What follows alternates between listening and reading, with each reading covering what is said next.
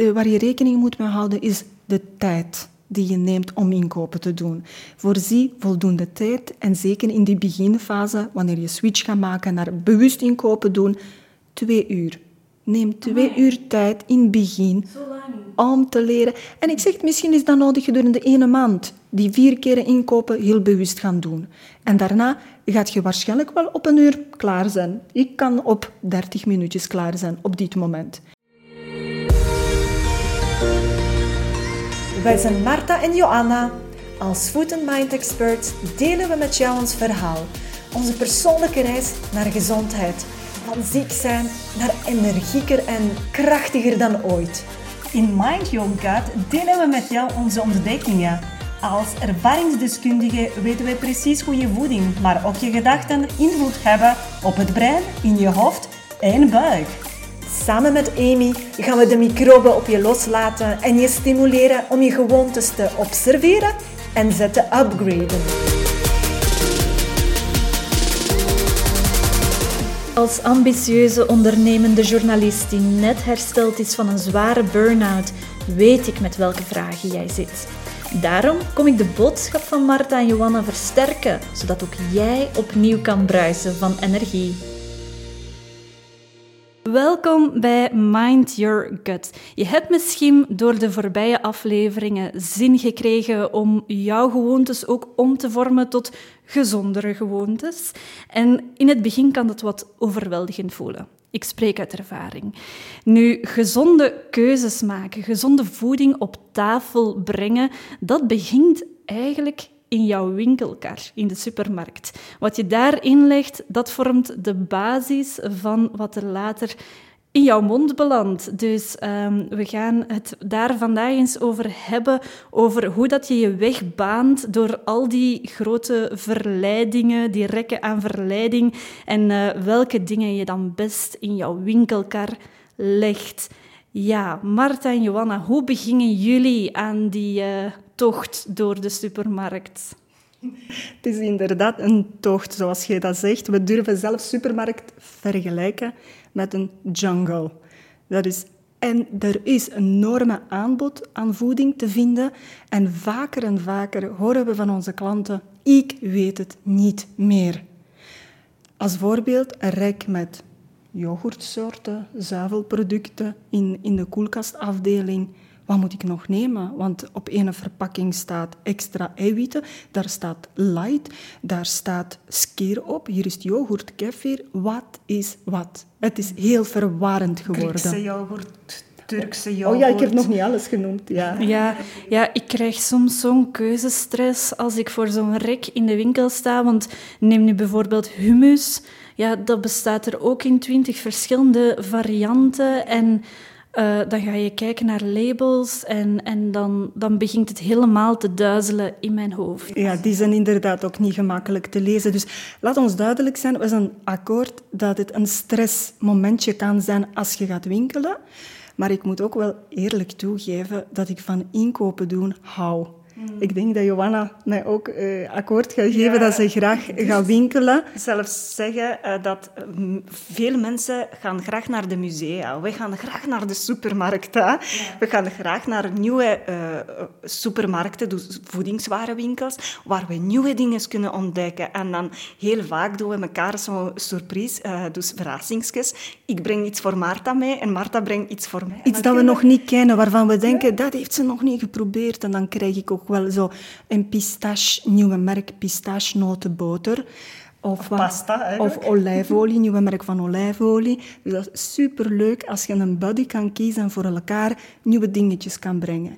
Wat we ook doen, is inderdaad misschien niet zozeer musea gaan bezoeken. Af en toe zal dat wel zijn als we op reis zijn. Maar als we op vakantie zijn, stel Rome, New York of wat, waar dat we ook zijn, zullen we altijd naar de supermarkt gaan en zullen we dat bewijzen van souvenir, dat voeding, mee naar huis brengen om nog langer te kunnen genieten van de vakantiegevoel thuis, maar ook om nieuwe dingen gewoon te leren ontdekken. Ja, je kan dat zo hebben hè, op vakantie, dat je helemaal verknocht geraakt aan, aan bepaalde voedingsmiddelen, dat daar heel erg ingeburgerd zijn en die wij hier helemaal nog niet kennen. Hè?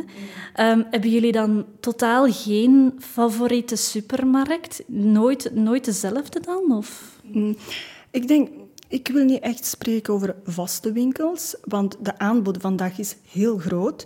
En ik wil vooral benadrukken dat je in elke winkel gezonde keuzes kan maken. Dus we gaan niet echt praten over onze favoriete winkels. We gaan in elke winkel heel graag, maar we gaan altijd zeer kritisch gaan kijken wat is beschikbaar in die winkel. Dus wat we zeker altijd doen, is een klassieke supermarkt één keer per week en een meer natuurwinkel of voed, uh, winkel met biologische voeding. Dat doen we standaard elke week. Ja, en dan vullen jullie dat aan met een, een keer een uitstap naar een of andere exotische supermarkt, waar het dan heel andere voedingsmiddelen te vinden zijn. Of zelfs een lokale markt hè, met, mm met kraampjes, met speciale voedingswaren. In Heverlee is er eentje, in Leuven is er eentje. Bij mij in Bertem komt er ook donderdag uh, een kraam met vies, met vers vies. Dat vind ik geweldig, want dan kan ik een verse viesje kopen donderdag. Dus ja, je maakt je afwegingen en je zoekt ja, beste kwaliteitsvoedingswaren waar dat je ze kan kopen. En dan, ja, jouw leven vormt zich naar gelang ja, jouw prioriteiten, denk ik. Hè? En zoals Johanna zegt, je kunt een bepaalde gewoonte gaan ontwikkelen van die klassieke supermarkt, biologische supermarkt, en dan bepaalde voedingswaren waar uh, enkel en alleen in een bepaalde uh, winkel te vinden zijn. En dat kan ook bijvoorbeeld Poolse winkel zijn. Mm.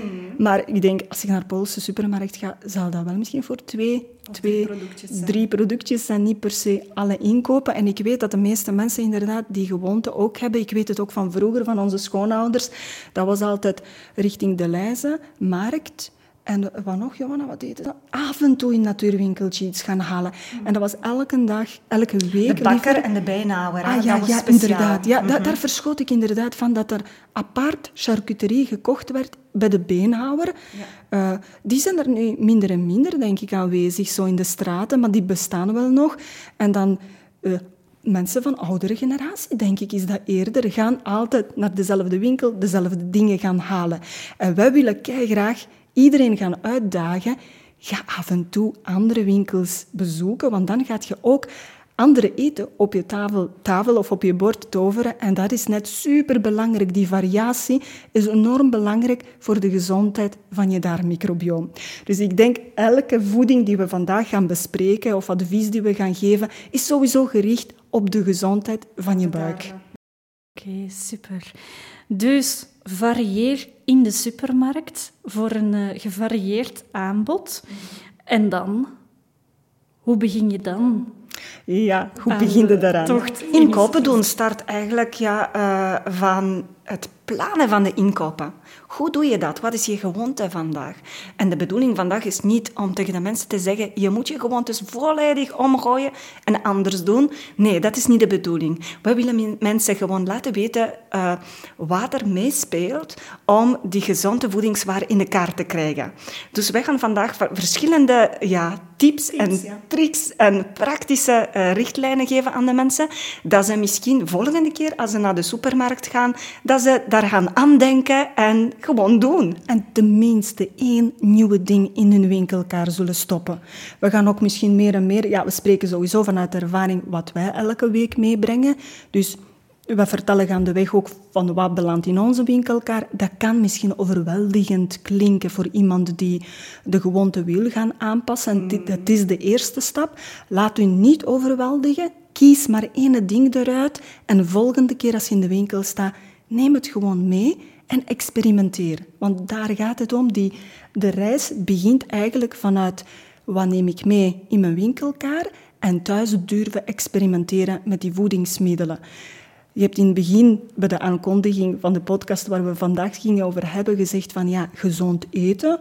Je wilt waarschijnlijk gezonder eten. Het begint met wat er in jouw winkelkaar belandt.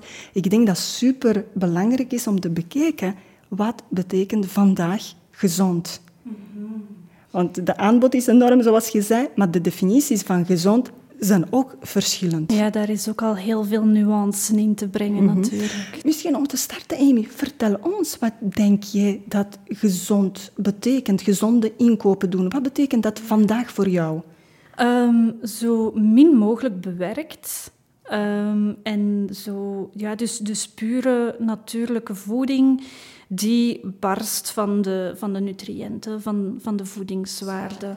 Ja, ja, akkoord. Dat is in het algemeen gezegd wat gezond betekent. En we zullen vandaag door bepaalde voorbeelden te noemen, zullen wij inderdaad meer concreter kunnen vertellen van wat is dat, dat gezond. Ja, want dat is, wat, wat ik hier nu noem, is, is heel algemeen, heel basic. Ik heb natuurlijk uh, niet zoals jullie een, een, voedingsachtergrond, dus ik stel mij ook wel vaak de vraag van, ja, krijg ik nu wel van, van alle mogelijke nutriënten die je nodig hebt om, om goed te kunnen functioneren, krijg ik dat nu wel allemaal binnen met, met wat dat ik consumeer?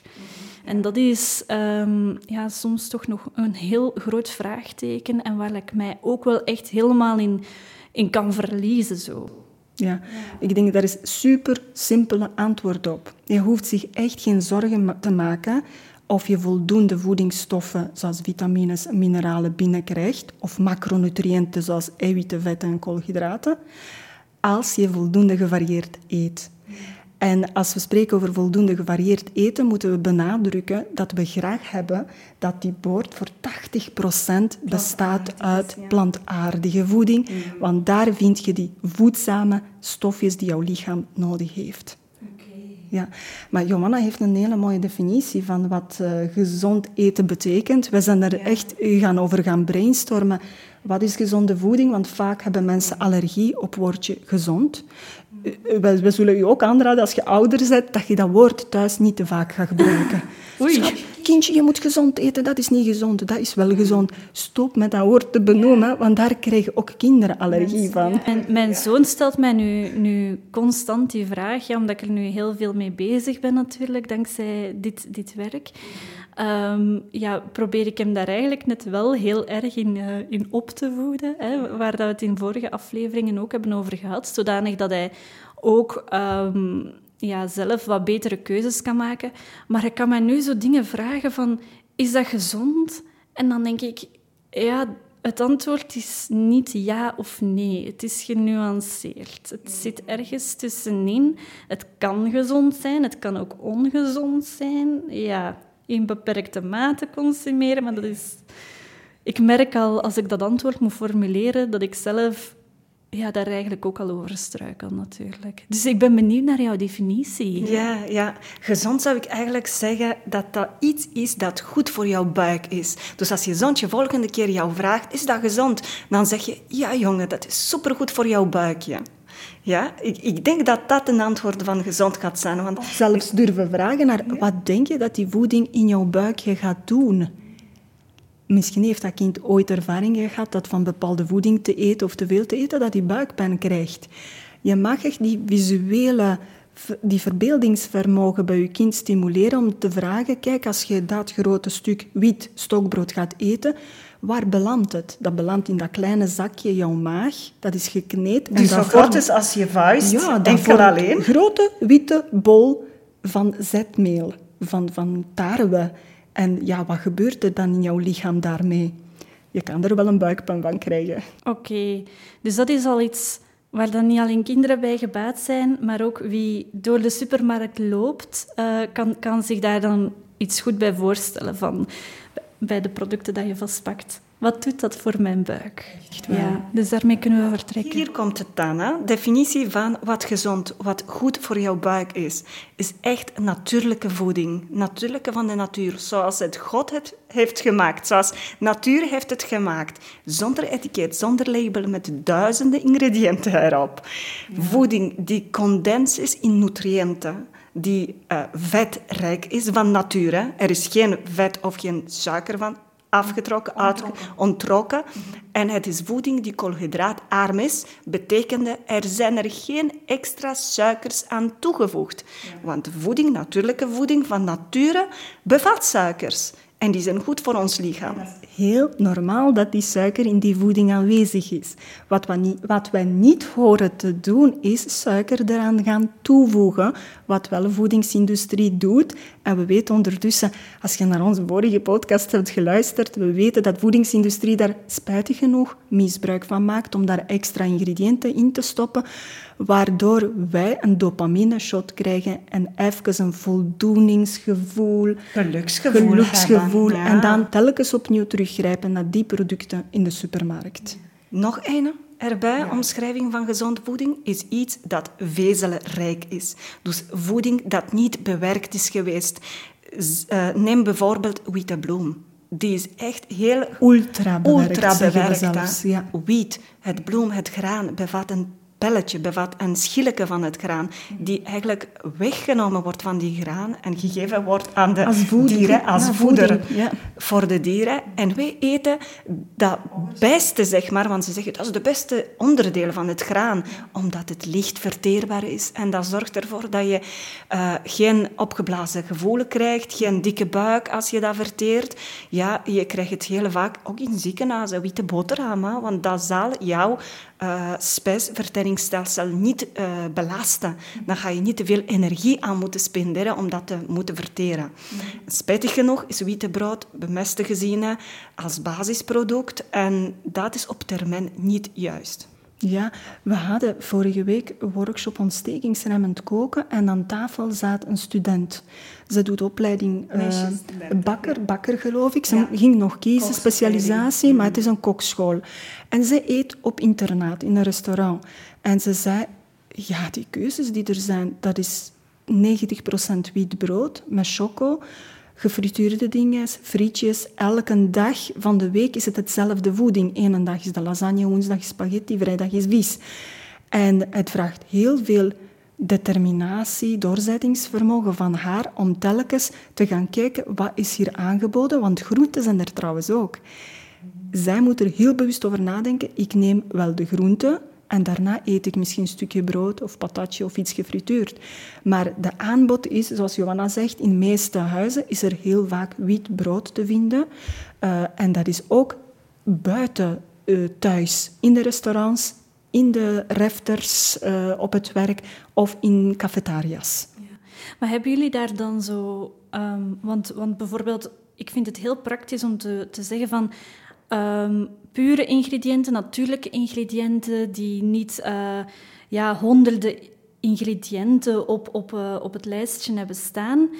Um, maar bijvoorbeeld als jullie dan spreken over de, de klassieke witte tarwebloem of, of het witte brood, ja, als je gaat kijken naar die ingrediëntenlijst, die is niet zo heel erg complex. Nee, bloem is bloem, dat is gewoon graan. Maar die is super hard bewerkt. Dus dat stukje, zoals Johanna zei, die, de vezelrijke stukje van de graan is weggenomen. Dus hier maken we onderscheid tussen volkoren tarwebloem of gewoon witte bloem. Gelukkig, als je volkorenbloem gaat eten, heb je wat vezels binnen. Maar die graan is nog altijd bewerkt geweest. We spreken echt over ultra bewerkt als die bloem wit wordt. De voedingswaarde, er is nog altijd wel voedingswaarde, want we moeten onderscheid maken als je naar een product gaat kijken, een verpakking van het product, heb je twee tabellen dat je kan gaan bekijken. En eentje is voedingswaarde. Dan moet je denken aan hoeveel vet, hoeveel uh, koolhydraten en eiwitten zit erin, mineralen, uh, vitamines. Zout en vezel. Ja, een aantal calorieën ook. Bij te staan, dus ja. dit is de voedingswaarde. En bloem bestaat alleen uit graan, dus dat bevat heel veel koolhydraten. En een tweede tabel waar je naar gaan kan kijken is ingrediëntenlijst. En ingrediëntenlijst is bij bloem is dat een graan. En dat kan rogen zijn, dat kan spelt zijn, dat kan andere soort graan zijn.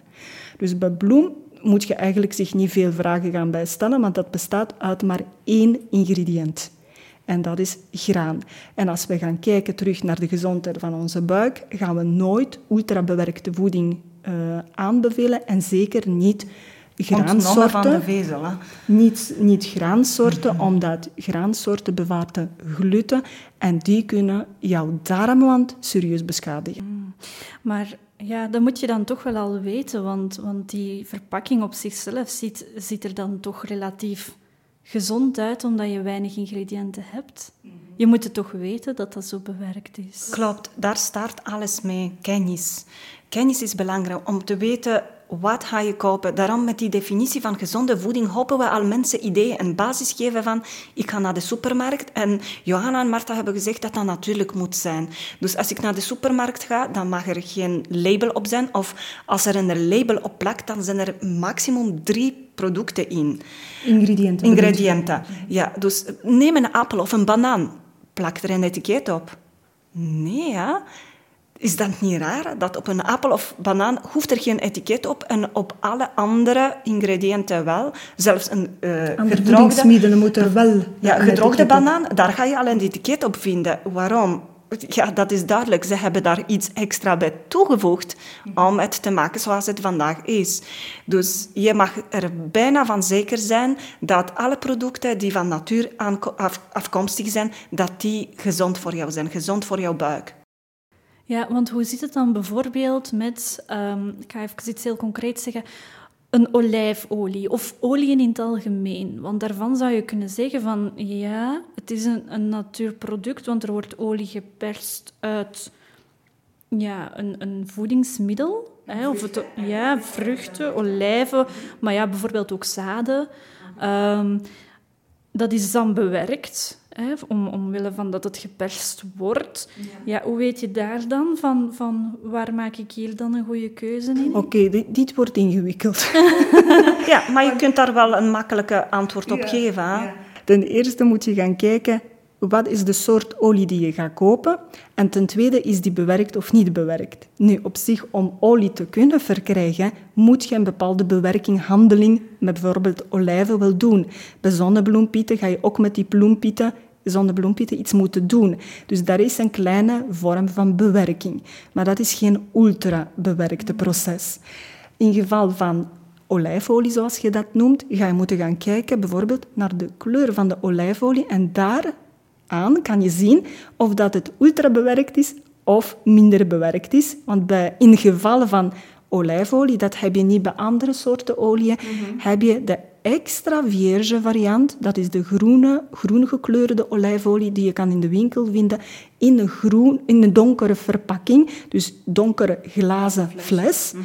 En die is maar ene keer, of die, die, die vruchten, zoals olijven, zijn maar ene keer geperst geweest. Als je geluk hebt, is dat uh, onder lage temperaturen gebruikt, waardoor dat die voedingswaarde... Ik denk zelfs dat dat voorwaarde is om extra vierge olijfolie te bekomen. De producenten mogen zelfs de temperatuur Want wat betekent dat zelfs, extra vierge? Ah, wel, dat is super eenvoudig. We gaan dat ene keer vertellen en je gaat dat voor de rest van je leven weten. Je plukt olijven je zit in Griekenland. Hè? Je ziet schoon een boom waar olijven al rijp genoeg zijn om te plukken. Daar gaan ze goed bekijken van ja, wat, wat moet die rijpingsgraad van die olijven zijn, want daar heb je superveel varianten in, in die extra vierge olijfolies. Die worden geplukt, heel vaak handmatig, door aan die boom te schudden. Er vallen olijven op de grond. Vroeger werden ze gewoon gestampt met de voeten van de vrouwen of mannen. Vandaag zijn er fabrieken waarin Of door middel van de dieren, met een speciale ah, molen. dieren ook? Ja. Ah, met molen Met een speciale ja. molen, ja. Oké, ik dacht dat de dieren Want... stampten olijven. Nee, nee, nee, dan niet. Ja.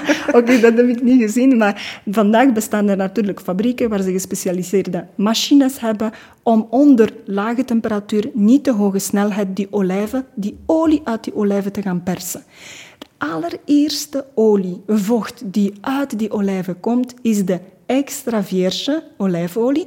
Of in het Nederlands zeggen we olijfolie van de eerste persing. En daar heb je het, eerste persing. Als er eerste persing is, dan moet er ook tweede bestaan.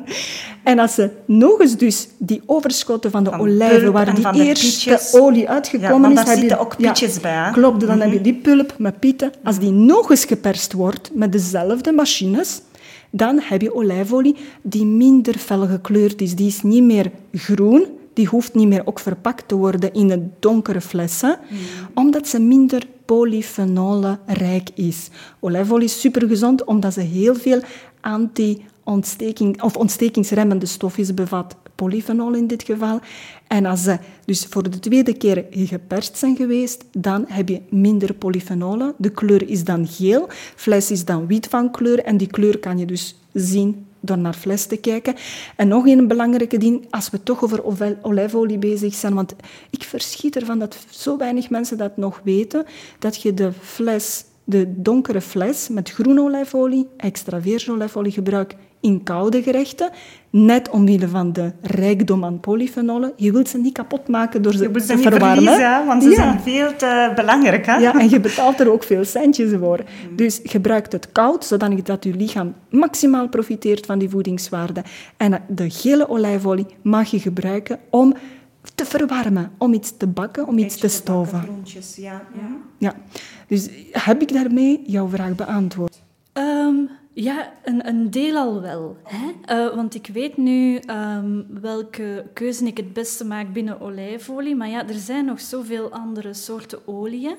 Uh, en ja, het is zeer actueel momenteel, want in veel supermarkten mag je bijvoorbeeld um, zonnebloemolie, hè, maar, maar eentje meenemen. Ik zie ook al heel veel lege rekken door uh, het conflict tussen, tussen Rusland en, en Oekraïne. Um, ja, voeren we dan die zonnebloemolie niet meer in, die blijkbaar massaal wordt geproduceerd in is het dan Rusland, denk ik? Rusland en Oekraïne. Allebei. Ook. Oekraïne is ook een grote uh, leverancier. Ja. ja, maar dan denk ik van oké, okay, ja, eh, olijfolie, zonnebloemolie, maisolie, uh, koolzaadolie, arachideolie. Zijn, dat allemaal, zijn die allemaal even gezond? Want in, in de zin van in welke mate ze bewerkt zijn, denk ik, ondergaan ze allemaal een gelijkaardig proces. Klopt dat? Is heel juist. Ze ondergaan uh, uh, redelijk hetzelfde proces. Zeker de pieten en de zaadjes. Die worden ook in fabriek geperst. En meestal is dat spijtig genoeg niet de mechanische eerste persing, zoals bij olijf, olijven heeft Marta beschreven. Uh, daar worden verschillende middeltjes aan toegevoegd om die proces te versnellen, om die olie juist de structuur te geven, om het te maximaliseren. Daar wordt niet gekeken naar de temperatuur van het persen. Dus als je een olie in de winkel gaat halen, dan kijk vooral of er die eerste persing, die extra vierge. Want vandaag kan je ook een avocado Dat gaat je niet terugvinden op zonnebloemolie, extra vierge. Nee, daar niet, omdat dat niet bestaat. Daarom zeg ik, kijk, op de verpakking staat er extra vierge. Want op de avocadoolie kan je dat wel terugvinden. Ja, dus dat is een eerste aanwijzing, een eerste uh, ja, tip dat wij kunnen geven aan de mensen. Als je olie gaat kopen, dan is het belangrijk dat dat er gaat opstaan. Nu, qua gezondheidsaspect, als je gaat kijken naar al de soorten olie, plantaardige olie die vandaag op de markt aanwezig zijn, en je hebt het al aangekaart, je kan de vruchten gaan persen, zaden gaan persen, zoals zonnebloemenpieten of pompoenpieten. Dan heb je uh, pieten of, wat, ben ik, wat mis ik nog? Zaden, noten, noten. noten natuurlijk, noten, ja. Maar bijvoorbeeld, je hebt ook maisolie, dat is dan weer een, ook een vrucht. Hè? Ja, vrucht, ja. ja. Of graansoort valt onder graan, dat weet ik nu niet exact. Ja. Mhm. ja. ik weet eigenlijk niet van welk deel van de plant dat, dat zelfs... Van een mais, van de kolf. Van de kolf zelf? Ja. Ja, ja, ja, Dus als je kijkt naar plantaardige soorten olie, het is allemaal een plant. Uh, moet je gaan kijken natuurlijk naar de samenstelling. Dat, dat wordt vandaag alsmaar belangrijker om daar naar te gaan kijken, omdat weer de voedingsindustrie maakt gebruik van goedkope grondstoffen. Kijk naar een prijs van fles uh, van zonnebloemolie en olijfolie. Die prijs is drie keer hoger bij olijfolie. Waarom? Dat heeft te maken met, met de samenstelling natuurlijk van die olie. Als je naar olijfolie kijkt, hebben we daar straks genoemd, polyfenolen zitten erin en omega-3 vetzuren. Dat is supergezond voor uw lichaam, goed voor uw darmmicrobiom. In geval van zonnebloemolie, daar hoeft niet per se iets verkeerd mee te zijn. We spreken eigenlijk niet graag over ongezonde voeding, maar we moeten vandaag dat effectief benoemen, omdat de voedingsindustrie daar misbruik van maakt en omdat de kennis onvoldoende vandaag is om die keuze te maken. Ja, trouwens, alles kan ongezond worden als je dat niet juist gaat gebruiken. Dus zelfs de gezondste voeding dat je denkt dat voor jou vandaag is, als je daar misbruik gaat van maken, wordt het misschien niet goed voor jou. Ja. Dus die punt dat ik wil maken is, je moet vandaag weten dat zonnebloemolie, zoals je er straks genoemd uh, hebt, ik zeg zonnebloemolie, niet olie wil ik zeggen. De olie die je daar straks had genoemd, zoals zonnebloemolie, maïsolie, sojaolie, koolzaadolie zijn minder goed dan olijfolie, omdat daar meer omega-6-vetzuren aanwezig zijn die eerder ontstekingsaanwakkerend werken. Die hebben niet de polyfenolen die ontstekingsremmend werken, zoals olijfolie of walnotolie, hazelnotolie, avocadoolie. Mm. Dus dat is een tweede aspect dat je wel rekening moet gaan mee houden, want alles wat je thuis haalt, in je winkelkar stopt, zoals mayonaise, kant-en-klare voedingsmiddelen. Bewerkte voedingsmiddelen. Bewerkte, ja, inderdaad. Daar gaat voedingsindustrie geen extra virgin olijfolie ah, nee, voor gebruiken. dat is veel te duur, Marta. Dus de overmaat aan omega-3-vetzuren je raakt eraan als je in de winkel te veel ultrabewerkte voedingsmiddelen gaat kopen. Omega-6, denk ik dat je doet. Omega-6, ja, ja, ja, dank u wel dat je zo attent bent. Ja. ja. Um, Oké, want dat, dat is al zo één uh, rayon waar dat je soms in verloren raakt hè, In, uh, in de winkel. Want dat is ja, maar we willen, sorry dat ik u onderbreek, we willen een supergoeie tip geven. Want je hoeft niet per se te gaan denken, wat mocht ik nu niet kopen? Hmm. Ik denk, we gaan nu vier soorten vetstoffen benoemen, dat je wel mag onthouden. En volgende keer gewoon mee van de winkel neemt en dan verder niet hoeft te gaan kijken naar etiketten of niet echt voeding en dieetkunde moet gaan studeren om te snappen wat je wel of niet moet meenemen. Ja. Ja, dus de olijfolie gaat de eerste soort zijn dat we al besproken hebben in het breed. Zowel de groene als gele gaan we meenemen. Voor de warme en koude bereidingen. Bakken, groene voor koud. Ja. groene is echt natuurlijk... Uh, dat ga je niet bakken, want je wil polyfenoltjes binnenkrijgen. Lekker, hè? Ja, er zijn verschillende soorten in. Sommige zijn zo super pittig en pikant. De tweede vetstof is geklaarde boter. Geklaarde boter is een, eigenlijk echt het is een boter, maar zonder de eiwitfractie daarin. Dus je kan een geklaarde boter zelf thuis maken duurt wel even. Dus als je die een tijd niet hebt, kan je altijd een geklaarde boter in de supermarkt vinden. Ja. De tweede benoeming van zo'n geklaarde boter is G. Staat ghee. Ja, staat vaak op de verpakking. En het is niet, ik wil nog even iets toevoegen. Niet alleen de fractie van de eiwit. Uh, eiwit is eruit ontrokken, maar ook fractie van koolhydraat. Dus boter wordt gemaakt van zuivelproduct, van melk. En als je geklaarde boter gaat maken door gewoon een klontje boter te gaan smelten. Zachtjes opwarmen, ja. Gaat je zien dat die eiwitfractie en koolhydraatfractie aan de bovenkant komt drijven. Je kan dat afscheppen en wat van onder blijft is 100% of pure vetstof. Oké, dat vind je eigenlijk niet in zoveel winkels, hè, Guy?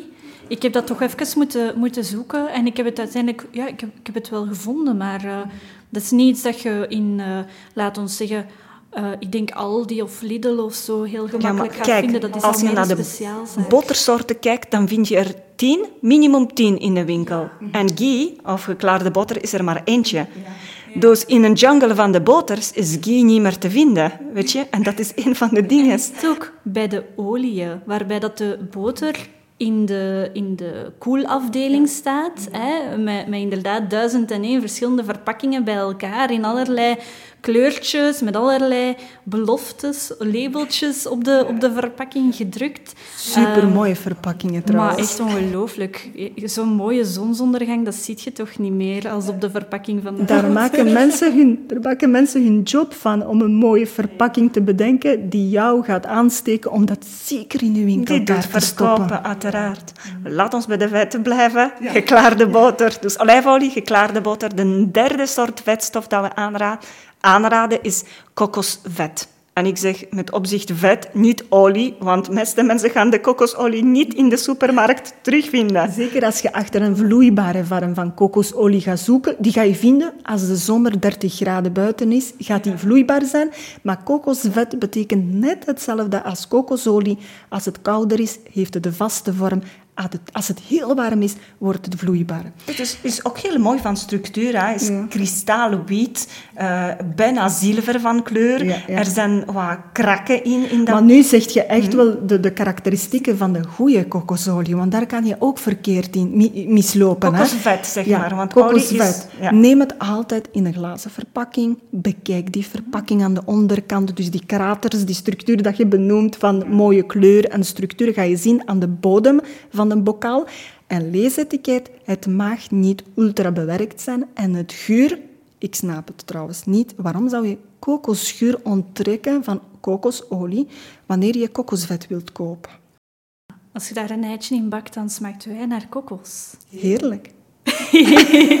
ja, het is weer een andere kijk op voeding. Uh, je, je, je wilt echt die open mindset hebben en een keer jouw vleesjestukje kip in de kokosvet bakken. En ja, als je Indische keuken graag hebt, dan, ja. Dan eet je daar bijna constant kokos. Hè? Want dat is de basis van smaken van Indische keuken. Dus durf het zelf een keer thuis, een stukje vleesje of een eitje in kokosvet bakken. En het belangrijkste weer, je hebt nu vier soorten olie dat je kan kopen. Varieer daarin. Blijf niet plakken bij één soort. Gebruik die kokosolie soms als toevoeging bij jouw smoothie gesmolten kokosolie smoothie doen, als bakstof, uh, bij, bij cake dat je gaat bakken. En hetzelfde met olijfolie. Durf erin te variëren. Dat is superbelangrijk. En ik ben super blij eigenlijk dat we vetstoffen hebben besproken, omdat het iets is dat mensen vandaag bang van zijn. Wij zijn bang gemaakt door de gezondheidsrichtlijnen dat we krijgen door de jaren heen. Want inderdaad, dat, dat doet mij er dan eigenlijk ook aan denken van... Hè, er, er zijn toch ook pure boters die eigenlijk weinig ingrediënten hebben, die, die eigenlijk ook 100% boter zijn. Waarom is dat dan slecht? Ik mag het woord slecht 100% boter. Trouwens, ik heb recent een inkoopjesje gevonden op de grond. Ik was aan het wandelen en ik pak die inkooplesje en ik vraag me, ik kan een keer kijken wat mensen kopen. En de laatste op de lijst stond boter. Ja, goeie boter.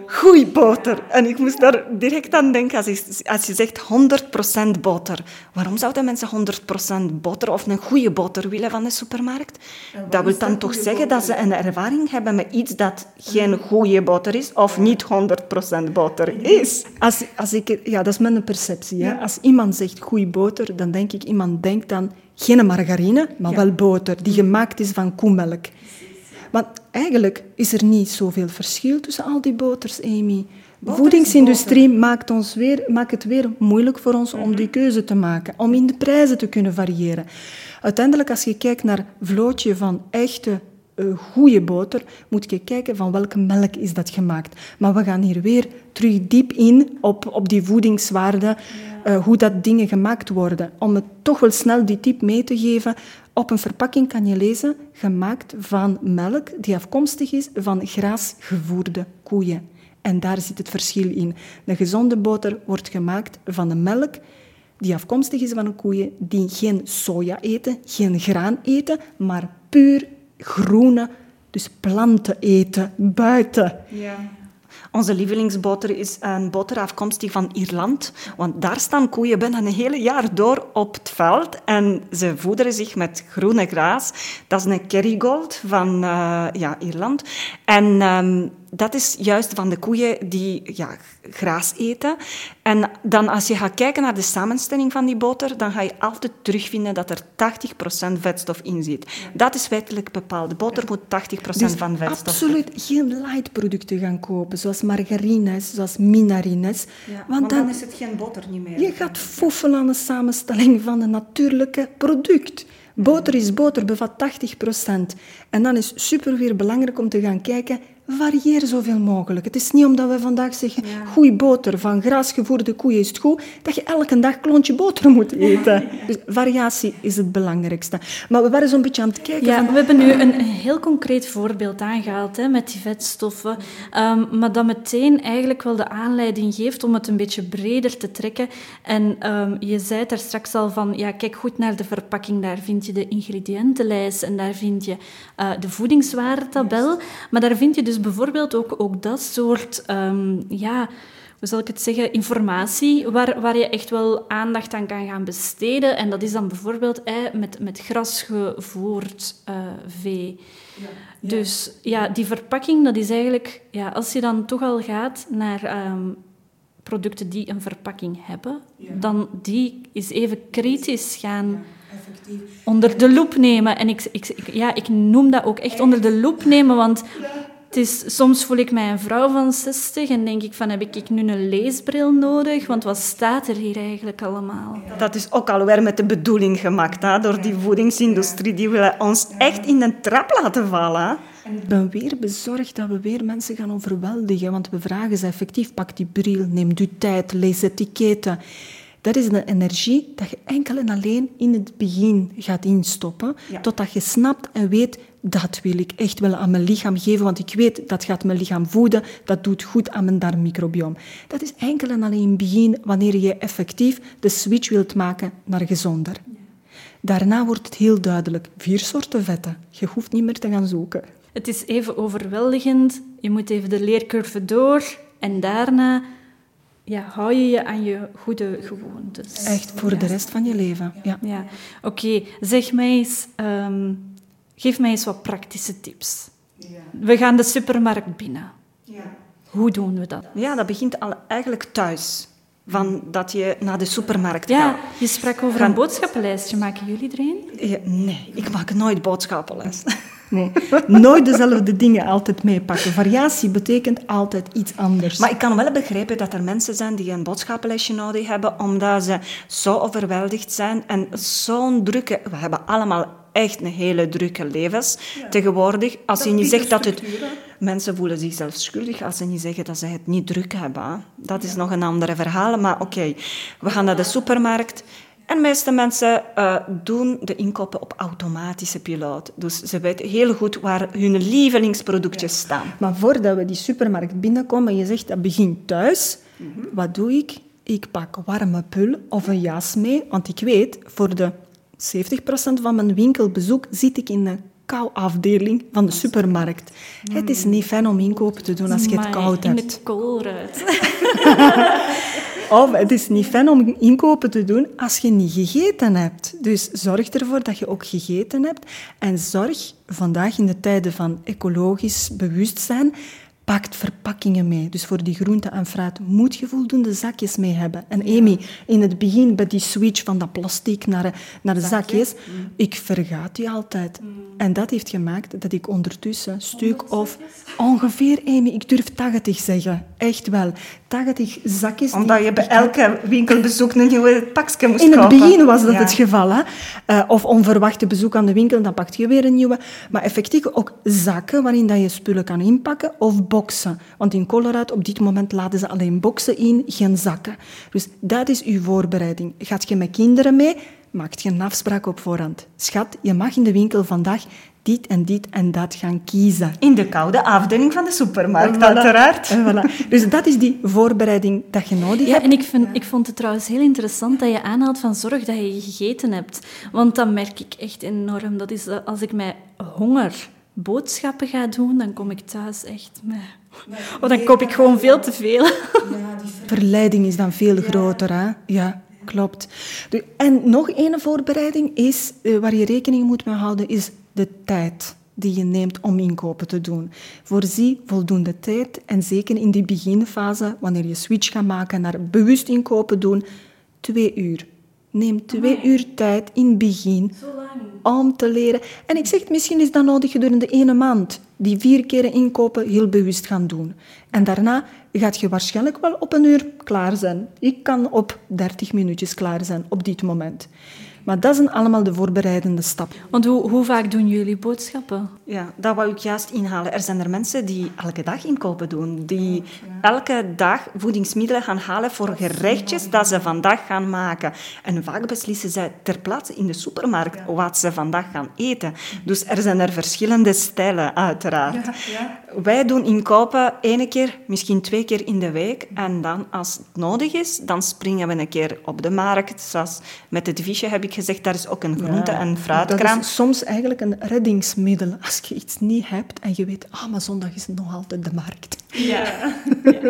ja. En dan de kennis over weten hoe dat je je voeding thuis wil best bewaren. Want als je één keer in de week gaat, dan weet je dat die voedingsmiddelen soms ja, drie, na drie, vier dagen al er niet uitzien en de voedingswaarde ook wel vermindert. Dus je wilt ze ook op een juiste manier thuis bewaren. Ja, inderdaad. Dat is denk ik ook nog wel een heel belangrijke. Want dat heb ik, uh, daar ben ik zelf op gebotst toen ik mijn, mijn voedingsgewoontes wat ging gaan aanpassen. En ik heb de gewoonte om één keer in de week mijn, mijn boodschappen te doen voor heel de week, omdat dat voor mij ook het, een beetje makkelijker maakt, om dat ook budgetair zo wat in, in de gaten te gaan houden. En dan, ja, ik, ik ben daar heel, um, een heel sterke ambassadeur voor om, om geen voedsel te verspillen. Maar in die omschakeling ja, merkte ik wel dat als ik, als ik zo'n grote voorraad aan groenten en fruit insla, aan, aan echt verse producten, ja, dat die het vaak niet trekken. Hè tot het einde van de week. En... Maar met onze nieuwe advies, Amy, 80% van je bord moeten groenten zijn. Gaat je het wel halen? Of de groenten die je merkt van, ah, het wordt, begint wat slechter te worden, heb je een bewaartechniek zoals fermentatie, dat mm. maakt dat je niks moet weggooien. Je kan trouwens ook misschien een buurvrouw hebben ergens in de buurt die kippen heeft of konijnen. En dan kan je ook groenten die slechter worden ook daar brengen.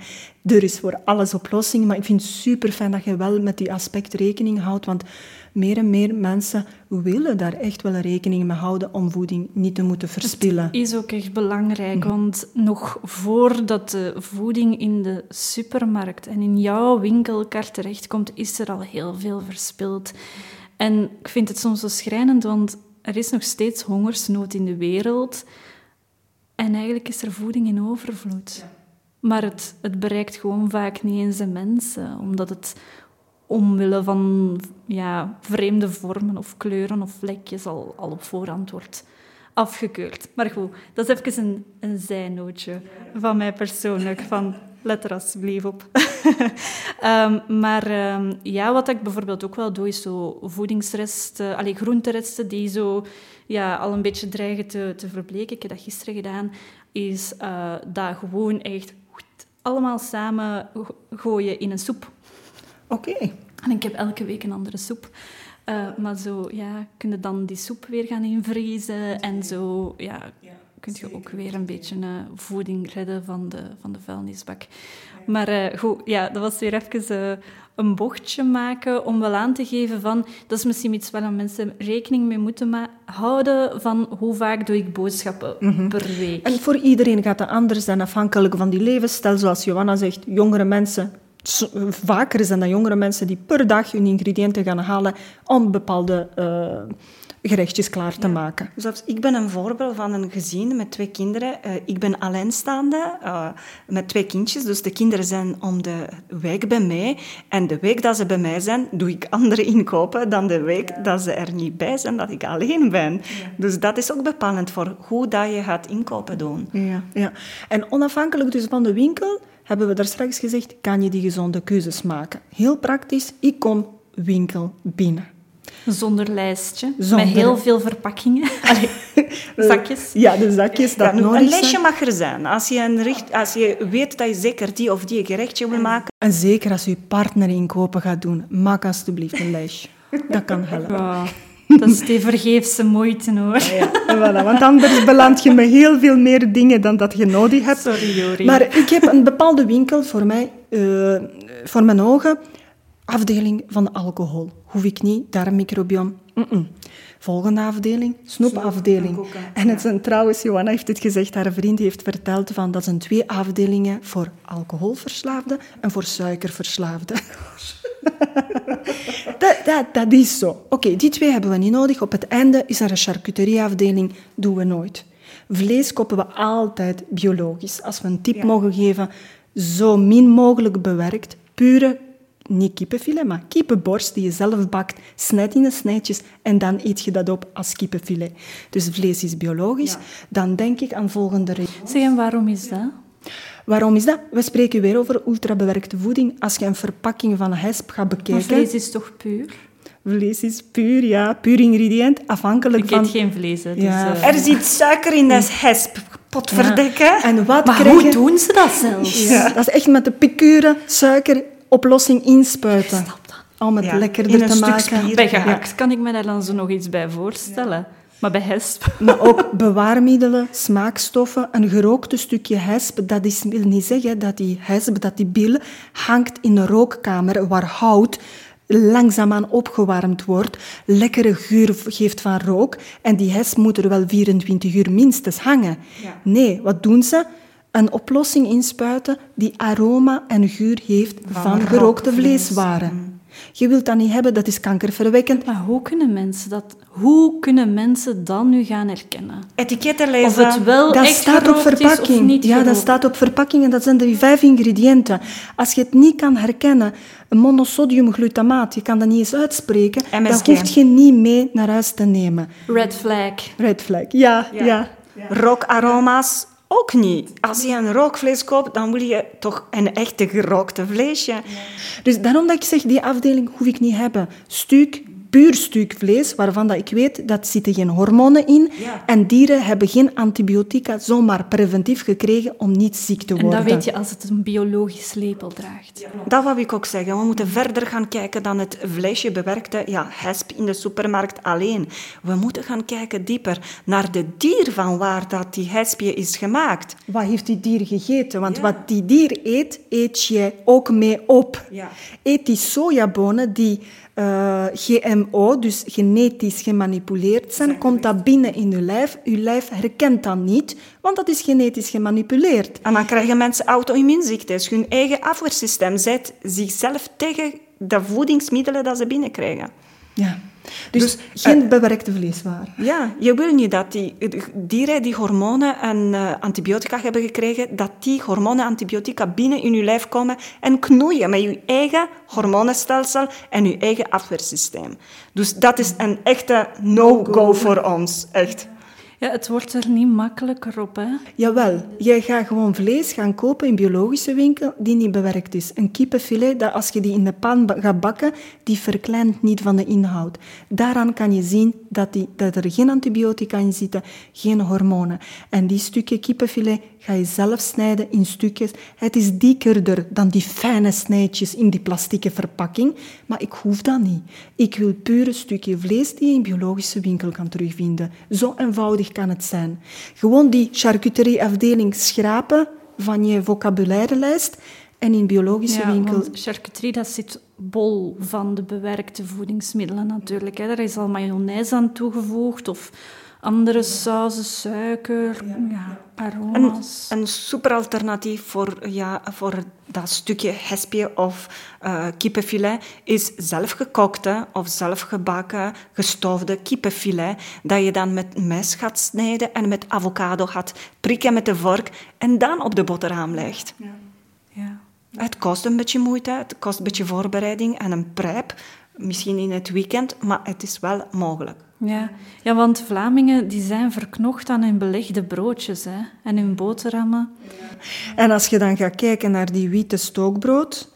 In het begin hebben we nog visueel een beetje proberen voor te stellen. Wat doet dat in jouw buik? Ja, met die uh, Een boterham, met die pistolken dat je ja, hebt gezegd. bol ja. bewerkte ja, tarwe, dat niet goed do- doet aan jouw darmen. En dan nog die bewerkte charcuterie, kankerverwekkend. Het staat op de lijsten van kankerverwekkend voedingsmiddelen. Salami en rode vlees, ja. Dat wilt je niet hebben.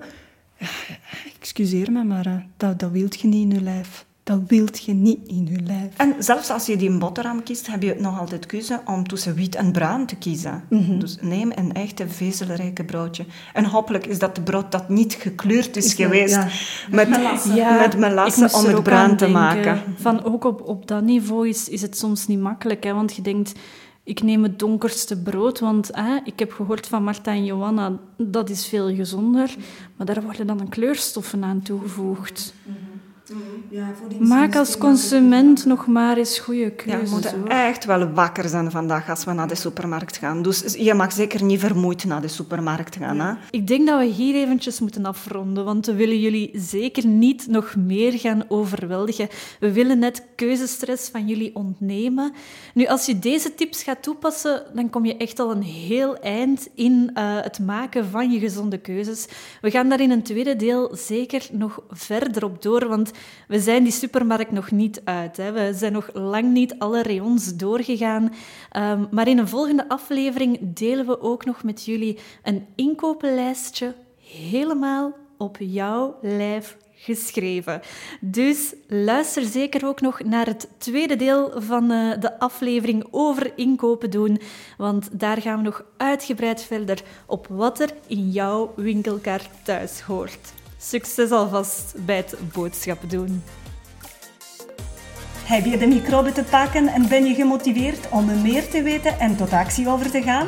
Volg ons dan op Instagram en Facebook op Clayman 2. Ben je echt gebeten en vastberaden om te transformeren? Ga dan zeker ook eens naar onze website clayman2.com. Om de twee weken op vrijdag brengen we je een nieuwe aflevering. Maar tot die tijd, kies bewust en remember, always mind your gut.